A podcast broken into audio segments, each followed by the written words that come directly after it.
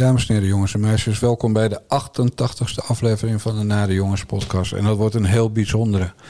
Want voor het eerst wordt Bas Paternotte vervangen door een inval Bassie.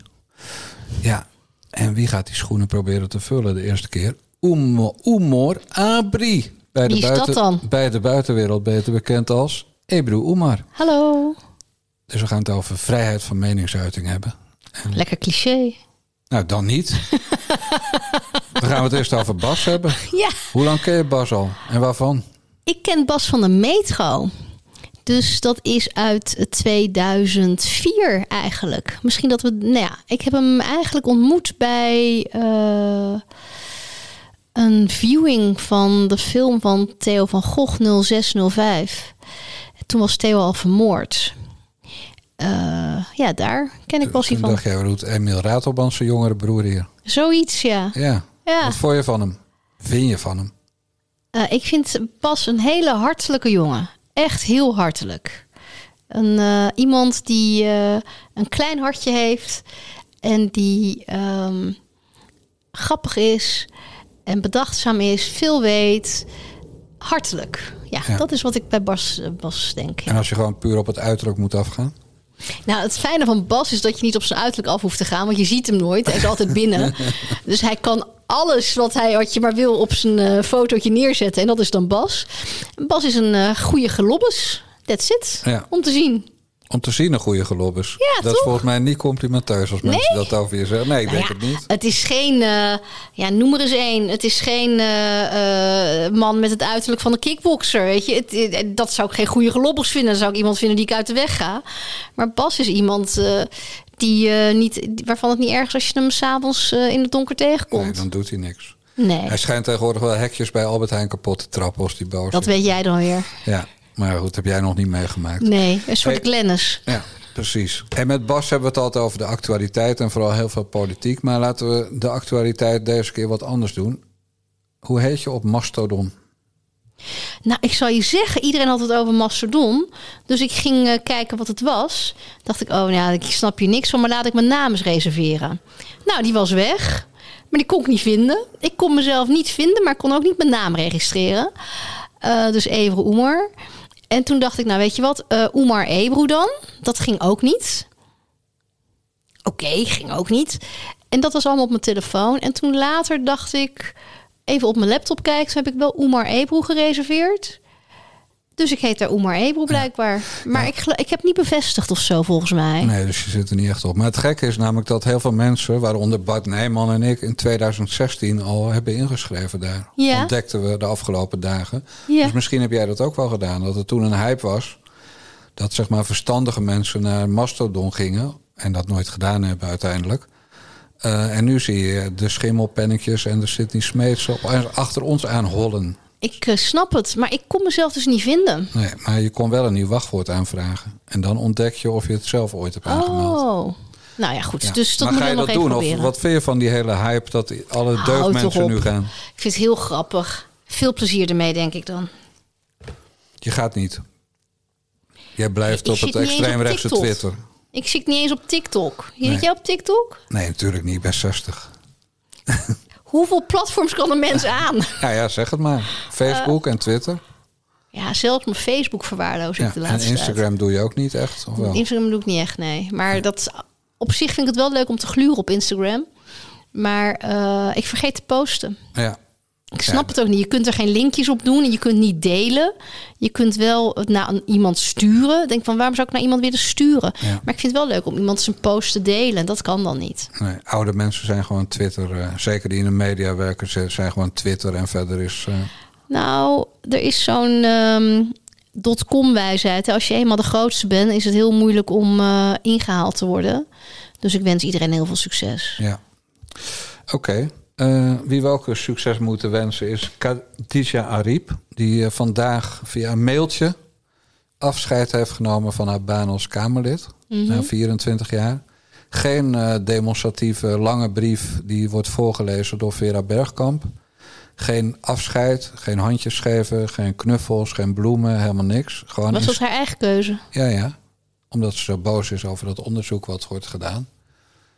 Jij kent het vast wel, want jij hebt eh, iedereen geïnterviewd in je leven. Kan er zo bellen voor je als je wil, ja. Nou, dat is helemaal niet nodig. Maar, maar wat is het, eh, je hebt die verhalen natuurlijk ook gehoord. Ja, Kloppen die verhalen dat ze een vreselijk teringwijf is? ik denk niet dat ze een vreselijk teringwijf is, maar ik denk wel dat de management skills van eh, niet-Nederlandse vrouwen iets anders zijn dan die van de Nederlandse. Dat ze wat directiever zouden kunnen zijn. Ehm, dat geloof ik onmiddellijk, ja. En is dat erg? Nou, voor snowflakes misschien wel. Maar als je helderheid wil hebben, niet. Geldt het ook voor jezelf? Je hebt natuurlijk ook een corporate carrièretje gehad. Ja, Kort. ja, ja, ik heb nog steeds een pensioen van, weet je dat? Ja, veel. ja, best wel. Dus dat is wel goed. Wat deed je eigenlijk? Want niemand weet dat. Nee, niemand weet Bank, dat. dat is het enige wat we weten. Ja, ik heb eh, als marketingmanager gefunctioneerd, als business developer, als uitgever. Van alles. Ja. En kon je het? Ja, ik kon het wel. Maar dat komt omdat ik ijverig ben en omdat ik werken leuk vind. Ik vind het best wel leuk om met mensen te werken. Ehm, maar een betere vraag is, vond je het leuk? Ja, dat- En ik vond het spel leuk. Maar eh, als je eenmaal het spel door hebt, is het wat minder leuk. Wat is er niet leuk aan? Omdat je de, ehm, de uitkomst al ziet. Dat is, het is eigenlijk hetzelfde als onderhandelen. Alleen dan ben je gewoon elk moment van de dag aan het onderhandelen. Nou ja, ik, eh, ik ben blij dat ik eh, geen corporate carrière heb ehm, nagestreefd. En een politieke carrière ook niet? Want je hebt ook honderd keer eh, is daarna gevraagd... of je niet bij partij A, B, C, D, E, F, G Nou, ik, lijst zou, eh, ik was graag wethouder geworden voor Leefbaar eh, Rotterdam. Was ik echt heel graag geworden. Maar ze moesten me niet, dus dan niet. Heb je jezelf aangeboden? Ik heb zeker mezelf aangeboden. Welke ronde? De laatste? De laatste, ja. Echt? Want er was een zieke wethouder. Dus er kwam opeens een vacature vrij. En toen heb ik er heel lang over nagedacht. En toen dacht ik, fuck it, dit is wat ik wil. Het is Rotterdam. Het is een wethouderschap. Het is overzichtelijk, want eh, je kunt wel wat doen in plaats van in Den Haag uit je nek lullen. Ehm, ik denk dat ik nog tien jaar eh, op hoog niveau kan werken. Dus ja, why not? Dus ik heb me daarvoor aangemeld. Ik had ook een hele goede lijst met referenties. En toen eh, werd ik afgewezen. Ik mocht niet eens op gesprek. En dat eh, werd eh, niet eh, juichend. weet je, ik had me er al bij neergelegd. Maar uiteindelijk gingen ze toch nog met iedereen het gesprek aan. En toen werd mij verteld: ga het eens maar heel moeilijk maken. En dat is denk ik wel gelukt. Maar uiteindelijk hebben ze toch weer voor een man gekozen. Ja, met wie had je een gesprek dan? Met mensen van Leefbaar? alleen? Ja, met mensen van Leefbaar. ja, ja. ja. En waarom moesten ze je niet? Nou, degene die het geworden is, is ook wel echt goed. Dat Die is is geworden? Ehm, Ja, Ronald. Buit. Oh ja. Ronald Buit zit is al 100 geworden. jaar bij die partijen. Ja en nee, hij zit inderdaad 100 jaar bij de partij. En toen heeft hij de verkiezingen gedraaid, eh, de laatste ronde. En daarna is hij met Joost naar Ja 21 gegaan. Want hij had gewoon een baan en deed leefbaar ernaast. En dat trok hij gewoon niet meer. Dus toen kreeg hij een echte baan bij ehm, Ja 21. En blijkbaar is hij teruggekomen als wethouder. Ja. Hij is beter dan jij daarvoor geschikt. Oh, dat denk ik wel. Ja? Omdat zijn, ehm, weet je, politici zijn ehm, verbaal heel erg goed. En verbaal heel erg goed zijn is natuurlijk politiek geworden. Dat wil nog niet zeggen dat je ook iets kan. Maar in het verbale spel zijn mensen die gepokt en gemazzeld zijn in eh, de politiek zeker beter dan ik. Ja. Hier zat de Joosten. Ben je nog steeds zo'n fan van die Eertmans dan? Ik zat in Joosten. De Joosten. Je, je noemt mensen met bij hun achternaam. Oh, eh, ja. Eertmans niet. Ah, wie heb ik bij zijn achternaam genoemd? Maar maakt niet uit. Ehm, Buit. Ronald Buit. Ja. Ja, omdat het je helemaal niks zegt als ik zeg het is Buit. ja. Ehm, wat wil je weten over Joost? Of je nog steeds zo'n fan van hem bent. Ik vind Ehm. zo'n glibber. Vertrouw hem gewoon niet.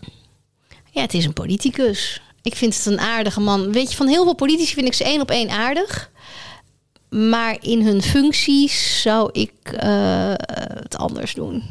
Ik ben blij. Je moet bij politici een onderscheid maken tussen de persoon en de politicus. En eigenlijk moet je dat helemaal niet doen. Maar als je dat doet bij deze mensen, dan eh, is het heel goed te doen. Ja. Ben je nog steeds zo'n fan van Joost Eertmans? Heb niks tegen de persoon Eertmans, nee. Ben je nog steeds zo'n fan van Joost Eertmans? Is toch, gaat een graadje verder dan ik heb niks tegen. Ik heb niks tegen de persoon Joost Eertman, echt niet. Maar ehm, ben ik het eens met zijn politieke keuzes en met zijn politieke beslissingen? Eh, vanuit zijn perspectief doet hij het juiste. Ja. Ik zou het anders doen. Bas en ik zijn het heel erg eens over jaar 21 en over Eertmans. Bas was, is lid hè, van jaar 21. Oké. De echte Bas dus, die, die dikke Ja. Lobbes. Ja, Eh, die is heel erg fan van jaar 21 en ik niet vanwege Joost Eertmans. Ja. Dus wij hebben inmiddels overeenstemming bereikt over het feit dat Annabel Nanninga lijsttrekker zou moeten worden bij de volgende Tweede Kamerverkiezingen. En Dat we gaat dan- ze niet doen. Nee? Nee, Eh, want dan moet je ook weer politiek gaan denken. Annabel Nannega zit fantastisch goed in de Eerste Kamer. Dat is een prima plek om te zitten. Dat is ook de enige plek in de politiek in Den Haag die ik zou willen. Een e- Eerste Kamerpositie, ik teken ervoor. Moet je alleen eerst opkomen dragen voor de Provinciale Staten. Dat is wel een ander dingetje. Maar ehm, de Tweede Kamer is gewoon een soort van vissenkom... waarin je opgegeten wordt door de grotere. Dat gaat Annabel niet doen. Die, die, heeft, die is heel autonoom in Amsterdam. Die is autonoom in de Eerste Kamer. Die hoeft die hele Tweede Kamer niet. Nee, misschien wil ze wel de eerste vrouwelijke premier van Nederland Ja, worden. maar daarvoor hoef je niet op de Eerste Kamerlijst. Hè. De premier wordt Tweede gewoon Kamer, benoemd. nee, dat Tweede. Kamer. Nee. Die wordt gewoon benoemd. Ja. Dat kan prima. Ja, en dan ga ik er dus nooit op stemmen, want dan wordt Eertmans weer lijsttrekker. Dat kan. Dan kies je toch voor iemand anders. Op wie stem jij eigenlijk? Dat weet ik nog niet. Ja, moeilijk hè? Ik ben een soort zwevende kiezer geworden. Elke keer weer, ja. Ja, ik heb nog op Janine Hennis gestemd. Kan je nagaan. Ja, dat waren de goede nog- oude tijden. Ik geloofde nog in de VVD. Ik las dan het VVD-verkiezingsprogramma. Las ik allemaal hele verstandige dingen. En je dacht dat dat waar was. Ik dacht, nou, daar gaan ze toch wel iets van uitvoeren. En dat is 2010, rond die tijd. En, en eh, als het lees ik ook nog wel eens terug. Dan denk ik, het lijkt wel of ik een geschiedenisboek van heel vroeger Ja. zit te lezen. Leugens. Ja, allemaal leugens gebleken. Ja. Hey, eh, derde actuele dingetje. Er was een eh, verhaal in NRC Handelsblad vandaag. Eh, een of andere politiecommissaris, ik geloof meneer Van Renswoude heet hij. Ik kende hem persoonlijk niet. Maar die vindt het nu toch wel tijd worden dat we de hoofddoek gaan toestaan bij eh, politieagenten. Vanwege de inclusiviteit en de herkenbaarheid van de politie en bla bla Weet je bla. wat ik zo boeiend vind hè, in die hele hoofddoekendiscussie? Het zijn altijd mannen die vinden dat het toegestaan moet worden. En dan zijn het ook nog eens heel vaak mannen die zeggen: het is een vrije keuze, de hoofddoek dragen. Het is heel grappig, hè? Eh, nagellak is ook een vrije keuze. En toch zie je pas de laatste paar jaar dat mannen nagellak gaan dragen.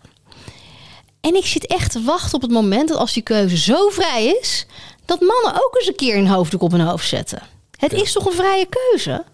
Hoezo geldt die vrije keuze alleen maar voor vrouwen?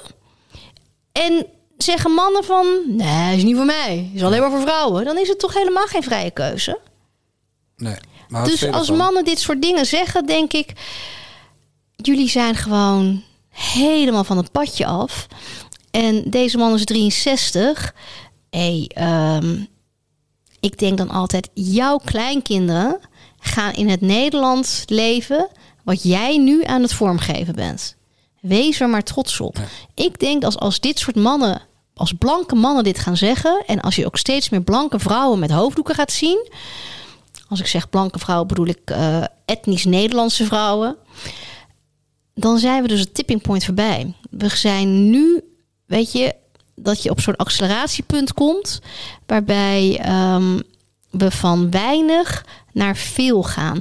En gisteren liep ik terug van de Albert Heijn... en ik woon in het hartjescentrum eh, eh, Rotterdam. Een dure postcode, laten we daar maar op houden. En ik zag zo'n burka voorbij lopen. En ik weet nog, in 2003 ging ik met fotograaf Thomas Slijper in Amsterdam burka spotten. En dat was nog de tijd dat mensen stilstonden om te kijken als ze zo'n spook voorbij zagen lopen. Ja. We waren bang. We vonden daar wat van. We vonden het eh mensonterend. We vonden het niet passen in Nederland. Het hoorde niet. Niemand sprak ermee. We spraken erover. Maar nu spreken we er niet meer over. Nu accepteren we het. En nu kijken we ook niet meer op. Als je nu een, een spook voorbij ziet lopen in het zwart, dan kijk je niet meer op. Je negeert het. Maar het is dus zo normaal geworden in die 20 jaar, want het is dus echt 20 jaar geleden, Ja. dat het normaal is geworden. Je hebt dus blijkbaar 20 jaar nodig voor acceptatie. Nou, En dat- zie je er zoveel dan? ja. Ook in jouw dure eh, Ook in mijn dure pom, ja. Ja? Ja, komt natuurlijk ook omdat in Rotterdam in het centrum op de duurste postcode juist de arme mensen wonen. Maar eh, een weggebombardeerde binnenstad, niemand wilde hier wonen. Ehm, Maar echt, zie je er zoveel? ja. Jij woont in Friesland, je ziet ze niet. Nooit? Nee. Nee, nee nooit. Nee joh, als je rondje in de Bijenkorf zo. Ik zal je wat ergers vertellen. Ik was met mijn moeder koffie drinken in de Bijenkorf. Want alle mensen in Rotterdam, die drinken, vooral die oude mensen, drinken het liefst koffie in de Bijenkorf boven het restaurant. Ja, mijn moeder heeft er gewerkt, dus ik weet Ja, wel. dat- kijk, iedereen, iedereen de Bijenkorf. En wij zitten in dat restaurant op een maandagmiddag in een leeg restaurant. En mijn moeder kijkt om zich heen en ze zegt: Dit soort mensen zou je twintig jaar geleden hier nooit gezien hebben. En laat ik het erop houden dat ten eerste niemand Nederlands sprak. En ten tweede dat ze er allemaal bij liepen alsof ze van een bouwplaats waren afgelopen. Alleen dan met Gucci erop. Dat je denkt, oké. En toen zei ze ook nog... Vroeger zouden ze echt geen buitenlandse vrouw achter de kassa hebben eh, toegestaan. En toen dacht ik, dat is inderdaad zo. Vroeger had je alleen maar Nederlandse vrouwen... van die mevrouwen achter de kassa. Ik zeg, nou, dat vind ik eigenlijk wel leuk, weet je. Dat, dat, er is dus wel een omslag in het dank, denken geweest... dat je ook niet blonde vrouwen achter een kassa kunt zetten. Dat dat ook gewoon mag. Vervolgens word ik prompt geholpen door een eh, ontzettend leuke, donkere dame. Die me ging vertellen dat ze echt geen lingerie bij de Bijenkorf kocht. Behalve in de extreme uitverkoop. Want dat was altijd heel goedkoop. Dus ik moest erg hard lachen. En eh, dat vond ik wel heel leuk. Dat zei ik ook tegen mijn moeder. Van, dat is wel goed dat dat dus wel gebeurt. Maar je ziet dus ook de hoofddoeken. En de Bijenkorf is gewoon niet meer voor de Rotterdammers. Niemand kan daar nog iets doen behalve een kopje koffie drinken. Dat was in Amsterdam was het dan normaal. Maar dat is helaas in Rotterdam ook normaal geworden. Van wie is die dan? Wat bedoel je dan? Nou, de Bijenkorf is zo extreem duur geworden... dat je daar eigenlijk niks meer kunt kopen... behalve een kopje koffie kunt drinken. Ja, toch als ik eh, naar de stad ga, dat weet je, dan- bedoel ik ook altijd nog Rotterdam. Ook al Ja. ik al 25 jaar in Friesland. En dan kom je bij de Bijenkorf binnen bij de chocolaafdeling, hè, waar Ja. ze ook marsepein verkopen. En dan heb je die Louis Vuitton shop. Of Ja. had je, heb je die nog? Ja, ja. Daar zie ik geen eh autochtone Nederlanders. Zie ik Nee, alleen maar jonge ventjes. Eh, Ik zal je wat vertellen. In coronatijd, Bijenkorf dicht. Coronatijd een beetje soepeler. Je kunt de Bijenkorf weer in. Dan had je twee rijen. Mensen die een afspraak hadden gemaakt... en mensen die eh, ter plekke een afspraak moesten maken. Nou, ik was natuurlijk die ter plekke mensen. En dan kom je naar binnen en dan had je zo'n boot van Louis Vuitton... En daar gingen dus mensen naar de Bijenkorf om in de rij te staan voor Louis Vuitton. En dan kijk je ernaar. Ze zijn allemaal de helft van mijn leeftijd. En ehm daar zit geen Hollands glorie tussen. nee. Toen dacht ik, ik doe iets fout. Maar ik dacht ook, wat is er nou zo prangend dat je midden in coronatijd als eerste naar die Louis Vuitton winkel rent om eh, daar in de rij te gaan staan? Nou, waarschijnlijk een vriendin. Ja, allemaal van die ventjes inderdaad. Ja, hoe komen die aan geld, weet je dat? Nee, Weet Nee, leefbaar, is- eh, leefbaar Rotterdam hoe ze aan geld komen. dat weet ik ook. Daar heb ik het nooit met zo. over. ik had het er wel toevallig vorige week met Daphne Dekkers over. Want dan hadden we dit gesprek ook. En ehm, zij zei dat mensen gewoon al die tijd op hun handen hadden gezeten. en waarschijnlijk het geld jeukte of zo. Ja, ja, ja. Het jeukt bij mij nooit dus aan dat ik een Louis Vuitton tas moet kopen. Wat kosten die dingen? Eh, ik weet het niet. Nee. Maar wat heb ik nou laatst gekocht? Oh ja, ik wilde een Burberry hoedje kopen. Zo'n vies visserspetje. maar ik heb nogal een hoedenhoofd, dus dat staat wel leuk. Nou, ga ik halen. 300 fucking euro. Nou, weet je, Dat doe je niet. nee. Nee. Wat mag een hoed kosten? Nou, 150. Maar dan heb je het over een hoed, hè? Niet over een petje. Nee. Waarom kruip je altijd weg achter die hoeden? Ze zijn bij jou altijd heel groot, wijd. Nee, dat zijn mijn zonnehoeden. Oh, Mijn- zijn- mijn- mijn zonnehoeden zijn heel groot. voorkomen dat je ook bruin wordt. Oh, ik vind ze enig. Ja, dat mag. Eh, Maar ik geld. draag heel graag hoeden. Ehm zomerhoeden zijn heel goedkoop trouwens. Zeker als je ze in het buitenland koopt. Ehm, maar mijn filterhoeden die draag ik gewoon omdat ik ze heel fijn vind zitten. Ze zijn ook warm. Eh, ik heb het altijd koud. Ik vind het leuk staan. Ze staan me goed. En ik zal je zeggen dat als ik... ehm, eh, ik liep een keer met mijn neef door de stad. En die zei, als jij je hoed niet op hebt, dan hebben we altijd ellende. Dan word je altijd herkend en dan is er altijd dat- shit. ja, ja. Dus je moet gewoon, eh, als we hier de deur uit, dan zegt, zegt hij altijd, waar hoed? En dan moet ik weer een hoed op. Dat is mijn hoofddoek, zeg maar. Ja, word je ook echt lastig gevallen nog of niet? Nee, Nee? nee. Dus het is eh, herkennen en eh, iets roepen en weer doorlopen. Ja, Ja, oké. Hey, Basje zal heel trots op me zijn. Basje Want? is natuurlijk van de stijltweets op Twitter. Dat Ja. hij het over, over de kleding eh, van Kamerleden bijvoorbeeld heeft, Oh, van ja. ministers. Nou, we hebben toch even je hoed behandeld. Ja, we hebben Heel even mijn hoed- ja, ja, en ik, hoed. je snapt dat ik er geen zak van begrijp. maar jij hebt toch ook wel spetjes op? Jazeker, ja. Ja, wat kostte die van jou dan? Ja, dat varieert van eh 70 tot 150 euro ongeveer. Ja, zie je, de grens is toch ja. 150. Ja. En waarom die van 150? Wat is dat er voor één? Nou, ik kijk gewoon wat ik mooi vind. En, Wat en vind dat- je mooi?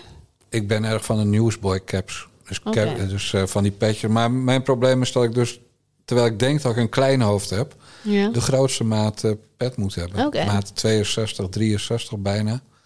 Zonder haar op mijn hoofd. Dus daar, ik vind het ook wel een beetje een raar idee dat ik Ja. opeens denk ik heb zo'n waterhoofd eh, gekregen. Ik vind petjes ook leuk hoor, maar dan neem ik die met het kleinste logo. Ja. Goed, dit waren de stijltweets. We gaan luisteren naar, Paul, eh, naar Akda en de Munnik. Want jij roept altijd Paul de Munnik. Ja, maar ze ik- zijn samen, hè? Dit was samen, ja. Ja.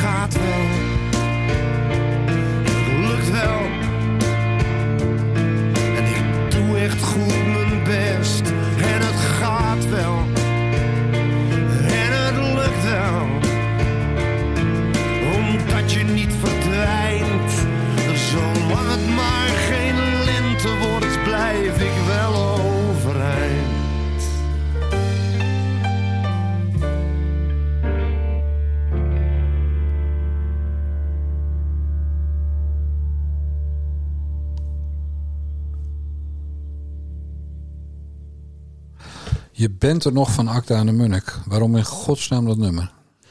Nou, het is heel grappig, want ehm, het is een liedje van hoop, vind ik. Dat je ergens aan vasthoudt. En pas als je heel goed en heel vaak naar het nummer hebt geluisterd, gaat het niet over iemand die er nog is, maar het gaat eigenlijk over iemand die weg is. En eh, die er wel nog in je hoofd is.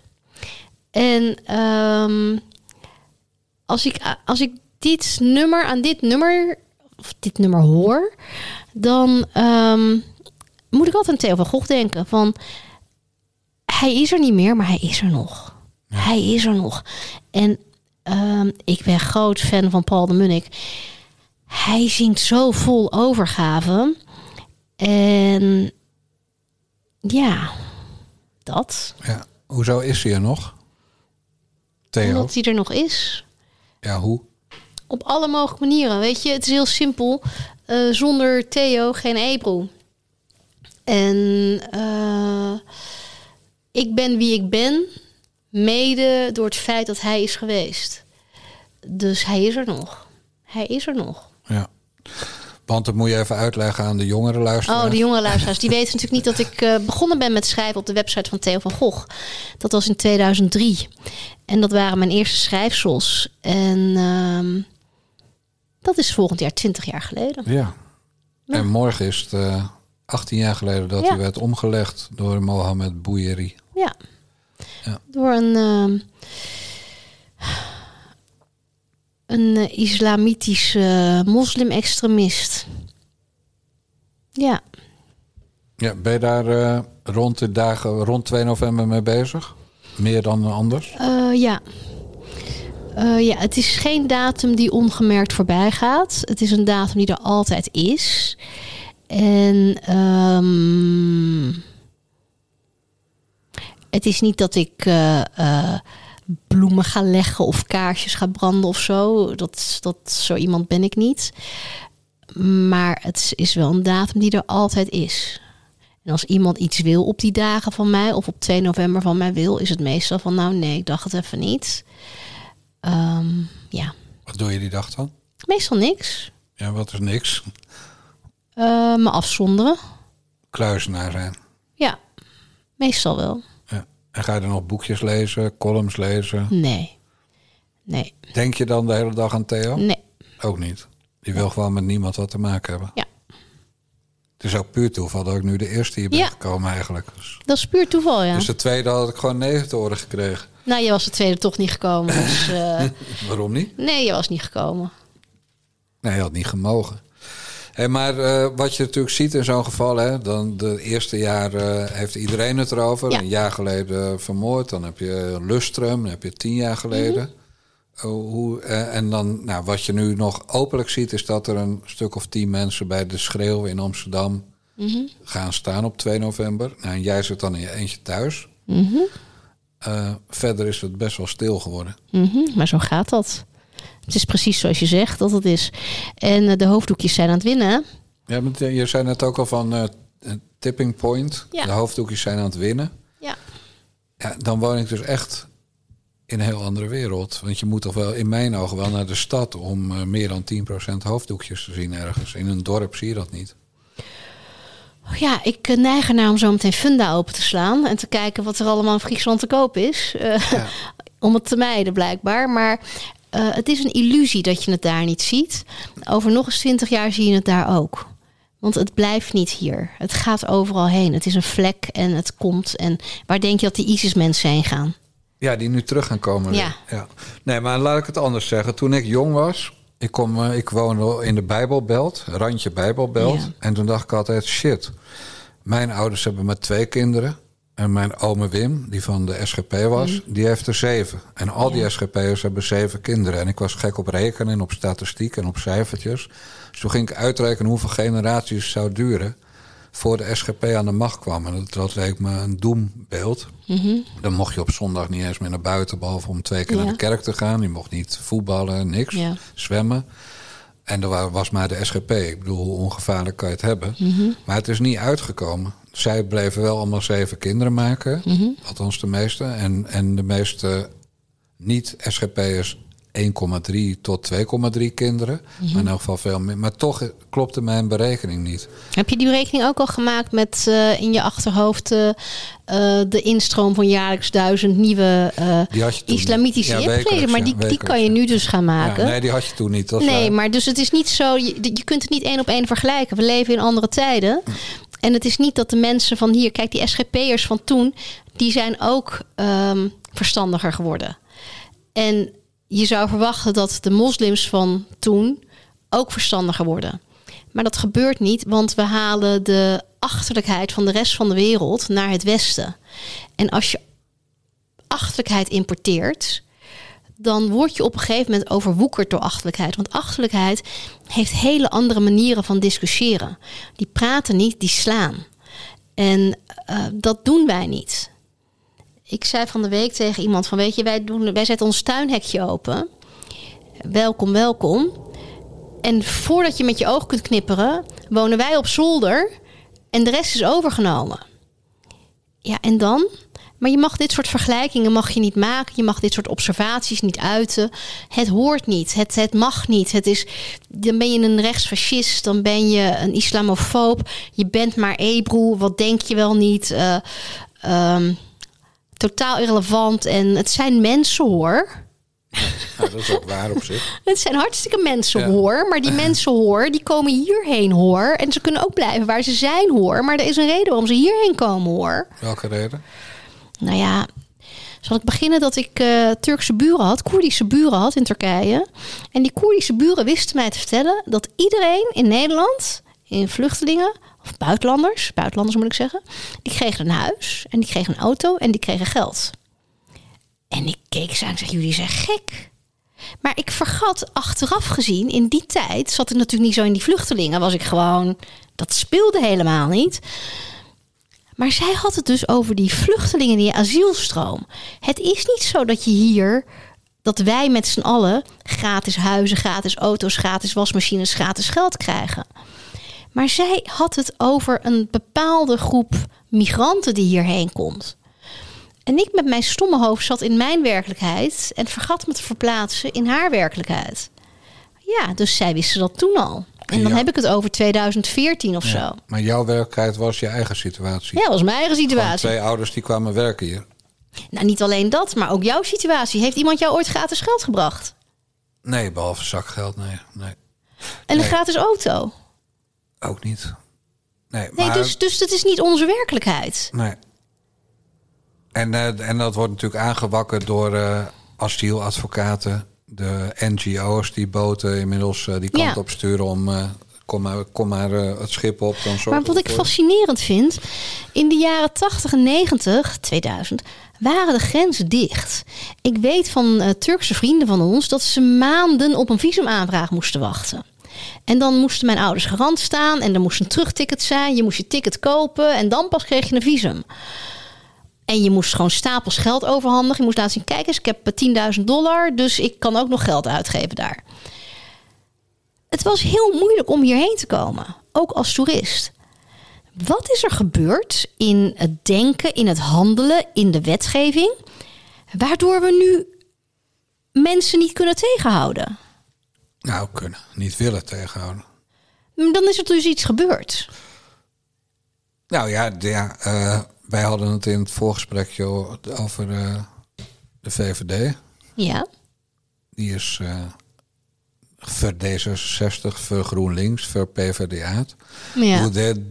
Ik ben nog net iets ouder dan jij, dus ik denk niet aan de jaren 80, maar aan de jaren 70. Mhm. Ja, er kwamen gastarbeiders hier om te werken. Eh, en ze hadden allemaal het idee, zowel de gastarbeiders als de gastgevers, ja, dan een paar jaar geld verdienen en dan terug. ja. Eh, dat terug, dat is maar beperkt gebeurd. Eh, en na die gastarbeiders die inderdaad kwamen om te werken, waar dus ook helemaal niks mis mee was, en die verspreid werden over dorpen, Nederland, ja. straten, ja. Eh, daarna kwamen er eh, mensen die wel te gast wilden zijn, maar niet wilden arbeiden. En daar is het fout gegaan. En, en wat ik wel in jouw observatie eh, mis, is ja, er zijn ook Nederlanders die een gratis huis en gratis mielen en gratis geld krijgen. Oh ja? Ja, natuurlijk wel. Bijstandstrekkers. Ja. Zijn er ook niet weinig. Dat zijn er ook niet weinig. Maar weet je, ik vind het niet zo heel erg dat dat allemaal gebeurt. Hè? Ik vind wel dat in een geciviliseerde samenleving... dat je voor de zwakkeren moet zorgen. Dat doen we allemaal. Jij en ik, wij doen dat allemaal op onze eigen manier. Ik wil niet zeggen dat we wasmachines weggeven of het onderdak geven... maar Geld daarvoor, dat heet belasting. belasting. Maar eh, als er mensen aanbellen van kan je helpen ergens mee, dan zeggen we ook gewoon ja. Dat doen we. Dat, dat hoort er gewoon bij. Maar het is, eh, het was de uitzondering en het is nu een soort van vanzelfsprekendheid geworden. Ik snap niet dat we een minister hebben, Hugo de Jonge, die kan bepalen dat eh, woningzoekenden niet aan de beurt zijn en asielzoekers wel. Nou ja, weet je, dat is hetzelfde als dat je zegt van mijn gootsteen is verstopt. Eh, ik zet er vier emmers omheen. En ik help de verstopping niet, maar ik zet er gewoon emmers omheen zodat het water kan blijven stromen. Ja. Nou, een loodgieter lach je uit. We lachen hem allemaal uit. En hij wordt betaald om deze oplossingen te bedenken en Nederland onder te laten lopen. Niet alleen hij, Erik van den Burg hetzelfde. We moeten ons schamen als eh, we geen asielzoekers opnemen. Maar sorry, als ik al op mijn zolder woon, waar moet ik dan heen? Naar het dak op? Ja, tentje in de tuin kan ook. Oh nee, tentjes mogen Nee. niet. nee, nee, nee, want daar zitten al die mensen al. Ja. Dus Alles is ingenomen. Maar Ik goed. ben gewoon naar zolder Maar is het geëvacueerd. Hugo de Jonge en Erik van den Burg... of is het gewoon de meerderheid van de Tweede Kamer? Uiteindelijk het laatste. Nou, dat weet ik niet. Eh, als je eh ruggengraat hebt, dan ga je er staan en ga je uitleggen hoe het moet. Ja. En dat de mensen in de Tweede En trouwens, dat is helemaal niet waar. Want Hugo de Jonge en Erik van den Burg zitten in een coalitie. Die hebben een meerderheid van stemmen. Dus als die gewoon doen wat ze moeten doen, namelijk verstandig zijn, dan heeft de rest het nazien. Maar ze kunnen wel verstandig zijn hè, op andere thema's. Maar op dit thema blijkbaar helemaal niet. Nee. Is het, eh, waar zou dat vandaan komen? Jij kent Hugo de, Hugo de Jong, heb je natuurlijk ook geïnterviewd hè, Ja. voor eh Libelle, denk ik. Kunnen we ook bellen? Ja, nou ja, waarom wil je al die mensen bellen? Ik, wil een leuk leven. ik heb helemaal geen, helemaal geen zin in een gesprek met Hugo de Jonge. Die man heeft me geblokt. Serieus? Ja, hij had, eh, ik, was, eh, ik sliep in eh, SS Rotterdam, dat schip. En dan kom je langs zijn huis als je dan van Ja. het metrostation... En, Ja. en er stond die politiepost Ja. leeg, want hij was dus blijkbaar met vakantie. Maar die staat dan schuin voor zijn huis. En toen kwam ik erachter dat hij op Strava, dat is zo'n app waarmee je Oh, je ja. fietsbeweging kan bijhouden, live te volgen is. Dus die man die moet, die wordt heel zwaar bedreigd en die moet eh, 24/7 bewaakt worden door politiemensen. Die, Van ons belastinggeld? Exact. Maar dan blijkt dus dat, dat hij op Strava, dus op zo'n app, gewoon live te volgen is. Ook door iemand die hem wil omleggen. Dus je kan zien, hij Wie doet wil Hugo de Jonge nou omleggen? ja, niemand. Ik geloof ook niks van die bedreigingen bij hem. Althans, ik neem ze niet serieus. Maar goed, daar had ik dus een stukje over gemaakt. Dat, dat het erop leek dat die bedreigingen toch minder erg waren dan we dachten. Want anders zou iemand hem toch wel gezegd hebben: gooi die Mhm. Doe app even. Ja, gooi die app er even af. Nou, dat deed hij niet. Maar hij gooide mij van Twitter af. Geblokt door Hugo de ja, Jonge. en daarna blokte hij alle eh, reacties op zijn Twitter. Zeker. Hij kan zo naar Noord-Korea verhuizen. Ja, hij of durft, China. voor, hij durft voor geen meter.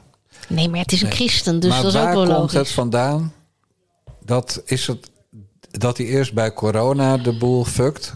Hè? Eh, de RIVM-adviezen laat aanpassen.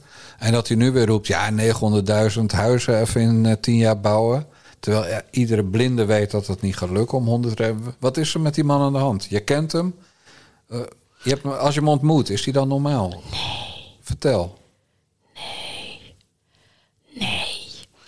Ik denk dat je het heel ergens anders moet zoeken. Ik denk dat je het bij al dat soort mensen in een soort van minderwaardigheidscomplex moet zoeken. Ehm, en het gewoon van waar komt iemand vandaan en waar staat hij nu? En dat ze het gewoon helemaal niet aan kunnen mentaal. Dat ze nooit in hun jeugd gedacht hadden dat ze een somebody zouden kunnen worden. En dat zijn ze nu. En ze gaan het nu eh, laten voelen ook. Zij zijn de baas. En ik denk dat ze heilig overtuigd zijn van eh, eh, het feit dat ze, als ze maar iets zeggen en het tien keer herhalen, dat het dan waarheid wordt. Wat ik zo grappig vind, je hebt het nu over 900.000 huizen. Dat roept hij al vanaf het begin, hè, dat hij minister van Wonen is. We weten dat het dit jaar niet gaat lukken, die 100.000. We lopen achter. En iedereen heeft het nog over 900.000 huizen. Maar als we het over de vastgoedsector hebben, journalisten die vinden het wel tof dat er 900.000 huizen gebouwd worden. Misschien kunnen zij dan ook een huis kopen en die vastgoedbeleggers worden eindelijk aangepakt. Want ja, uh, die journalisten zijn ook zo dom als het achterrent van de varken. Zij steunen Hugo in hun armoede naar betaalbare woningen die niet gaan komen. Ook niet als Hugo de 900.000 gaat, eh, gaat bouwen, die er niet gaan komen. Dus in plaats van dat je daar heel erg blij van wordt, zou je ook heel kritisch en realistisch kunnen zeggen van Hugo gaat niet lukken. Gaat niet lukken, maar het enige doel is om beleggers te fucken.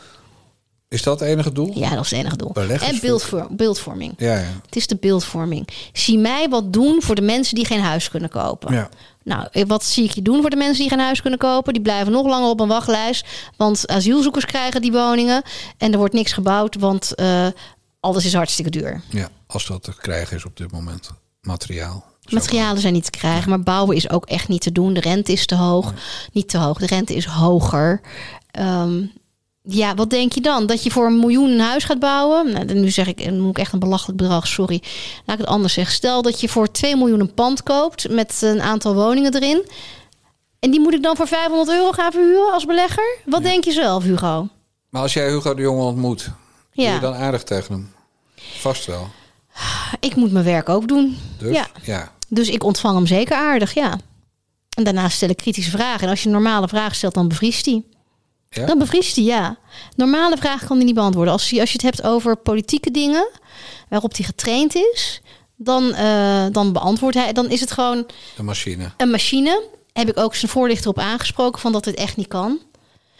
En ehm, als je hem eh, vragen stelt van eh, hoeveel kinderen heb je, hoe heten ze, weet je, echt dat hele simpele niveau, dan bevriest hij. Het is gewoon geen mens. Je hebt, je een robot ontvangen. Is het geen mens? Ik denk dat politici zo afgetraind zijn, en dan niet fysiek, maar mentaal, dat ze. eh, weet je nog dat Hugo zei dat hoe meer bijwerkingen, hoe beter met de coronaprik? En dat je denkt, hoe krijgt hij slot? Ja. Maar hij is er wel voor beloond. Hè? In plaats van dat hij afgeserveerd werd, is hij opnieuw minister gemaakt. En de kop van Jut wordt nu gevonden in Siewert Co. Dat ik echt denk, dat is ook weer typisch journalistiek. We zijn allemaal jaloers dat Siewert Co geld verdiend hebben. Het is belachelijk hoe ze geld verdiend hebben. Hé, hey, maar ze hebben zich wel aan alle wetgeving gehouden die Den Haag heeft bedacht. En Hugo is geadviseerd om niet met Sin Zee te gaan. En Hugo heeft het toch gedaan. Ja. En hij komt ermee weg. Maar journalisten zijn zo jaloers dat een soortgenoot en een leeftijdsgenoot van hen met 10 miljoen eh, er vandoor is gegaan, is dat ze zich op het, op het kruimeltje richten in plaats van op de grote boze wolf die er nog steeds zit. Ja, maar die natuurlijk straks geslachtofferd wordt als de parlementaire enquête wordt gehouden. En dan? Wat gebeurt er dan? Heel even, hè? daar wordt Ja, hij dan- Dan kan geslachtofferd. Rutte blijven als hij weer geslachtofferd wordt. Ik denk En dat dan? dat het, de agenda is. Ja, maar en dan? Ja, en dan? Hij, gaat niet, hij raakt niet aan de bedelstaf. Nee, hij raakt niet. zijn huis niet kwijt. Hij raakt zijn Nee. baantje niet kwijt. Hij krijgt zijn uitkering. Er gebeurt gewoon niks. Nee. Nou ja, hij krijgt ook alweer een goede baan. Dus En hij krijgt straks ja. ook weer een goede baan. Dus hoezo geslachtofferd? Ja. Nou ja, zijn Hij eigen- heeft 5 miljard heeft hij opgemaakt. Maar, maar dat, dat nou kan je vijf toch miljard omturnen? zou er zoek zijn. Ja. 5 Ja. miljard is er zoek. Ja. En hij krijgt daarna een uitkering en een nieuw baantje. Maar zijn Nou, ik ego is het naar de knoppen. Nee, helemaal niet. Want dat soort mensen verandert een narratief. Moet je mij nou zien, ik ben hiermee weggekomen. Het is hetzelfde als met Siebert. Het enige wat hij nu aan het doen is, is ehm, eh, vertellen dat hij gehandeld heeft eh, zoals hij kon handelen en mocht handelen. Ja. Hij heeft niks gedaan wat tegen de wet indruisen. En ik vind dat... Ik vind dat waar. Alleen als ik Siebert was geweest, zou ik onmiddellijk na het sluiten van de deal de camera op me gezet hebben en gezegd hebben: ik heb de overheid opgelicht. Ja, maar En de goed, overheid is slecht. Je zegt hij heeft niks gedaan wat, wat niet mocht van de wet. Dat moet nog blijken. Hij heeft wel degelijk eh, de suggestie gewekt dat hij het om niet deed. Hij heeft wat gelogen. Nou ja, maar hij heeft gelogen je kan tegen ook zijn partners. Nee, met de, de, het moet nog bepaald worden of dat eh, binnen de kaders van de wet mocht op die manier. Of het niet misleiding was. Hij heeft ook misbruik gemaakt van Coolblue, eh Randstad en dat soort dat bedrijven. is tussen Coolblue en Siewert. Dat kan ook niet, strafrechtelijk zijn. niet tussen Siewert en de 100 miljoen van Hugo. Nee, oké. Nee, over dat geld hoor je hem ook niet. Maar als hij vanaf het begin Zijn handelen is, is gewoon als hij eerlijk had fout. gezegd... ik doe het voor de poen. Ja. En daarnaast doen we voor ziekenhuizen en zorginstellingen doen we het eh, om niet. Dan Ja. was er niks aan de hand geweest. Niks. Maar dat heeft hij niet gedaan. Nee, maar dan dat en de vraag je. is, was dat nou op verzoek van Hugo de Jonge? En Nee, dat denk ik niet. Maar Hugo de Jong heeft het wel gefaciliteerd. En het punt is gewoon, als je mensen die, niks, die van niks komen...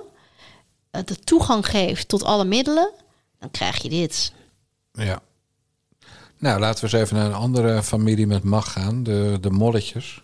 De Die molletjes. zijn ook nogal in het nieuws. Eh, op dit moment Marco Borsato, een van de voice verdachten noem ik het maar eventjes. Ja. Het echtpaar Knoop zat bij College Tour en daar zeiden ze dat Borsato onschuldig was. We gaan er even naar luisteren. We hebben aangifte gedaan tegen de vrouw eh, die zich gemeld heeft... of met Ja. wie John van de Heuvel heeft gesproken. Ja. Dus jullie zijn er 100% van overtuigd... op basis van de informatie die Marco Borsato jullie heeft gegeven... zowel mondeling als stukken...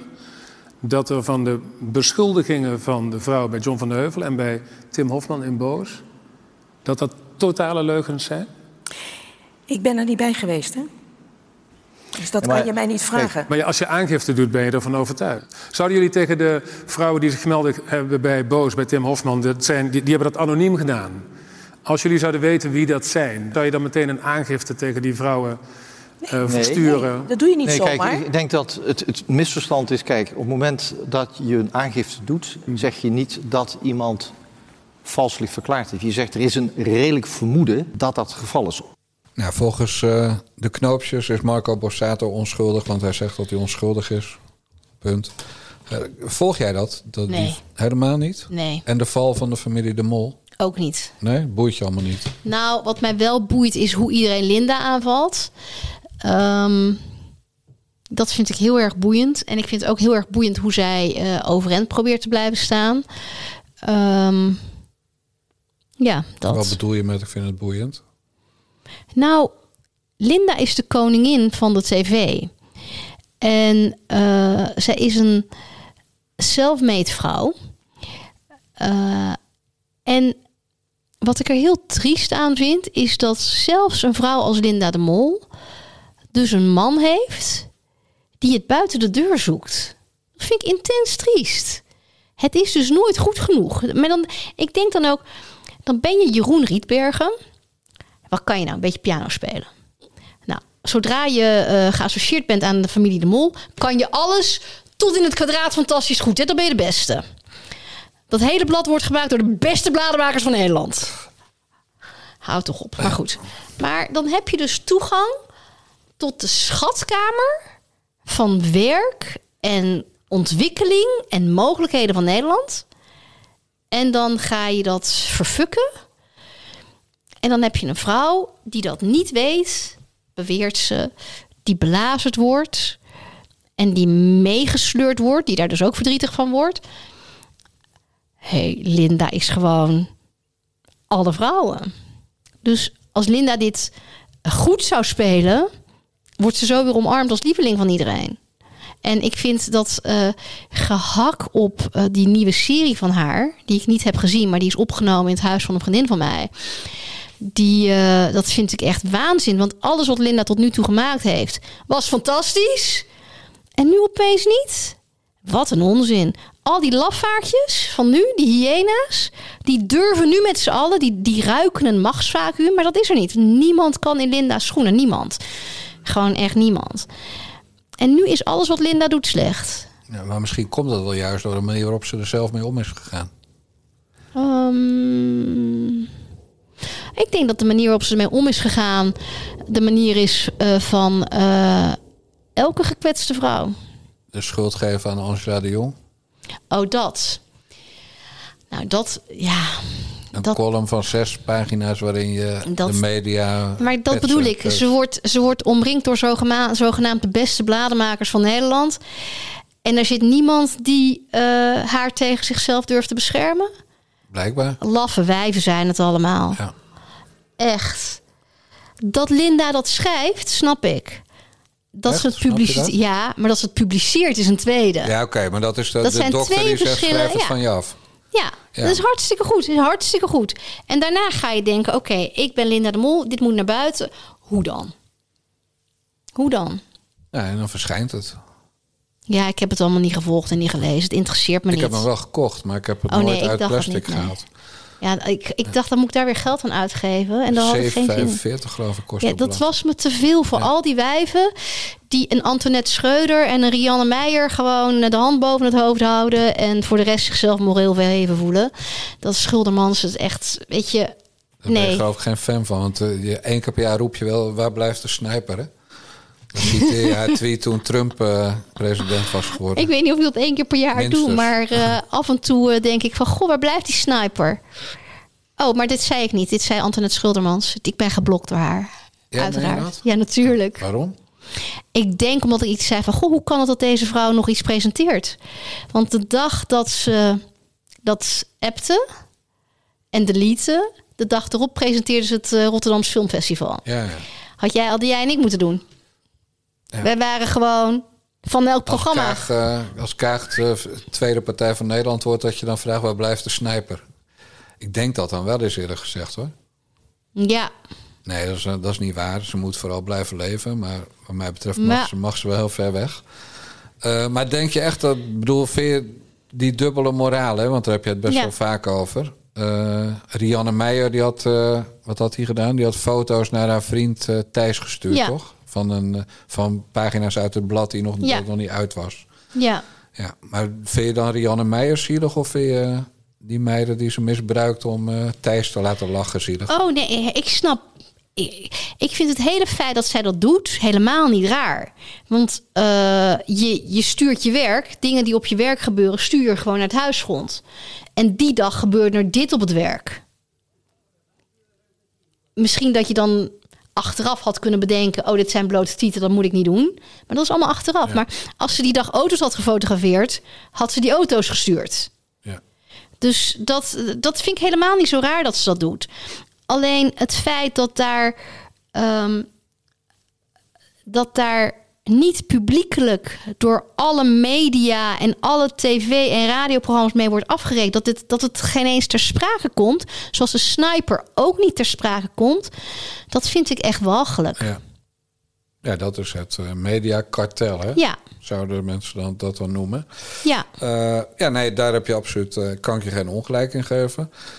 Wat zo'n Rianne Meijer dan doet, globalista heet ze in onze kringen, hè, omdat ze op Twitter heet. ja. Hij heeft nog gewerkt voor geen stijl trouwens. Maar Ja. wat zij dan doet is, eh, oh, dan verwijder ik snel mijn Twitter-account. Ja, dat heeft ze gedaan, ja. Ja, wat vind je daarvan? Eh, ik denk dat ze heel veel tijd heeft om te werken nu. Ja, wat vind ik daarvan? Ja, ik, zou, ik, ik vind dat bijvoorbeeld heel laf. Weglopen. Je hebt iets geflikt en dan doe je ogen dicht, je handen op je oren en dan. je nou, maar dit is. Ik denk dat dit een soort van eh, zelfbehoud was. Ehm, en jij en ik zitten daar heel anders in. Maar jij en ik zoeken niet eh, het applaus van de felicitatiedienst. Nee. Die het Gooi, die de Linda, die het eh, Hilversum eh, Mediapark heet. En dit zijn allemaal mensen die er heel graag bij willen horen. En die op hun positie, hun positie willen bewaken. Ja, maar dit is toch het kenmerk van de, hele damesbladenwereld. Is dat zo? Ja, Volgens mij vooral eh, van Medialand in het algemeen. Ja, tv geldt ook voor. Ja, ik denk Medialand in het algemeen. En ik denk nog veel belangrijker bij de Linda. Bij de Linda is gewoon als je... eh, eh, je bent arrivé als je bij de Linda zit. Ja. Gewoon zo zie ik die vrouwen die daar werken. helemaal Ik ook niet. Ik vind het allemaal sneuwe vrouwen. Ja, en in het verlengde daarvan natuurlijk Talpa. En dat was vroeger bij De Mol. De Johnzeggers. Mensen die hem John mochten noemen. Of, Ja. eh, sorry, Joop van de Ende. De Joopzeggers had je daar. Oké. En bij Talpa heb je natuurlijk ook allemaal mensen die John de Mol niet behoeden voor blunders. Bijvoorbeeld het geven van een talkshow aan zijn eh, weinig getalenteerde zoontje. Dat vind ik niet zo heel erg raar, weet je. Ik bedoel, ik zou het heel raar vinden als ik iets wil. Mijn vader heeft de middelen om dat te doen, dat ik het dan niet krijg. Misschien denkt hij wel, misschien ben je er niet goed genoeg voor. Nou en, heb nog tien andere mensen die wel goed genoeg zijn. Als jij dat wil, who cares? John de Mul mist geen cent daarvan, hè? Nee, dat snap ik. Weet je nog dat je dat op het gratis blad had? Was het nou de pers of de dag? De dag of zo? Dat was el van, van die Marcel Boekhoorn. Dat was de pers. De pers. Elke dag ging er een wagenpark aan doorheen. Aan geld. Je kunt ook zeggen, kap ermee. Maar dat deed hij niet. Nee, niet hij miste het blijkbaar niet. Dus ik, ik vind dat al die mensen die ook zitten te fitten op Linda... dat ze een huis kopen voor de kinderen. Ja, wat moet je dan? Ja. Moet het kind... eh, wat, het kind heeft ook een huis nodig. Maar jij vindt niet dat Linda de Mol eh, extreem lange tenen heeft? In deze affaire? Ja, Ik bedoel, natuurlijk- heeft ze. Heeft ze. Maar ehm, dat is wel heel zielig. Ja, dat heeft ze. Ja, Maar dat is dan toch ook niet nodig als je de wereld hebt... en, en al die successen op je naam hebt staan. Ja, Ja, maar als je... enige fout is toch eigenlijk dat ze de verkeerde vent had? Nou, en daarin, had, daarin is ze eigenlijk heel aandoenlijk. Ze is gewoon een echte vrouw. En genaaid door al die mensen die het wisten. En dat was namelijk ook de halve mediawereld. Wisten we dat Jeroen Rietbergen... Nou, het enige wat ik me dan afvraag, als de halve mediawereld het weet, dat je het zelf niet zou weten. Dat vind ik, Geloof je niet? dat geloof ik niet. Ik heb het wel eens met vriendinnen over gehad. En eentje zei van, god, mijn man kan op dit moment best vreemd gaan, terwijl ik het niet weet. En dat vond ik echt heel grappig dat ze dat zei. Want dat is natuurlijk de laatste van wie ik dacht dat dat, dat zo het geval zou zijn. Ze moest er zelf ook heel hard om lachen. Maar ik dacht toen wel, zo makkelijk is het wel. Jij zit hier bij mij op de bank, thee te drinken.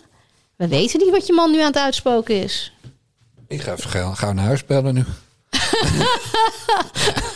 Nou ja, als je je vrouw kan opnemen en dan, dan weet je nog steeds Nou niet. ja, eh, dan- FaceTimen dan maar. Als ze dan zegt, ik ben nu eh, de moestuin aan het leeghalen... Dan, eh, dan hoor ik dat wel of dat klopt. Dan hoor je toch de, tre- de trekker langs rijden. Of, Je weet het niet. En, en daarin vind dat vond ik dus wel heel aandoenlijk van Linda. Dat zelfs het zijn van de meest succesvolle en vermogende en self-made tv-vrouw, mediavrouw, dat dat je niet behoedt voor foute keuzes Ja. en foute mannen.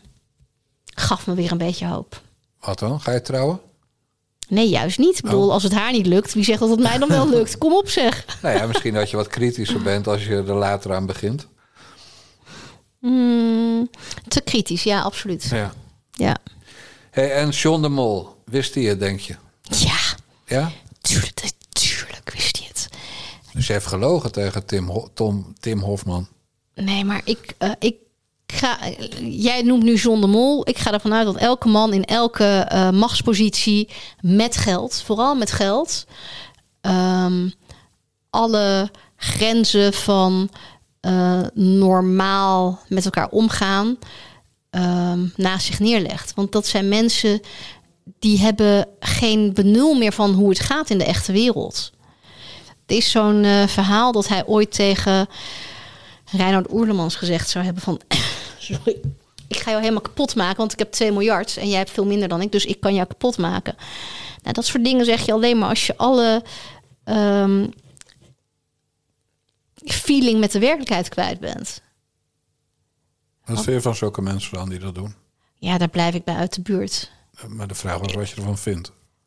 Ja, dat is wat ik, ik, ervan nog geen, vind. ik hoor geen krantenkop als je zegt... dat ik blijf uit de buurt van types als John de Mol.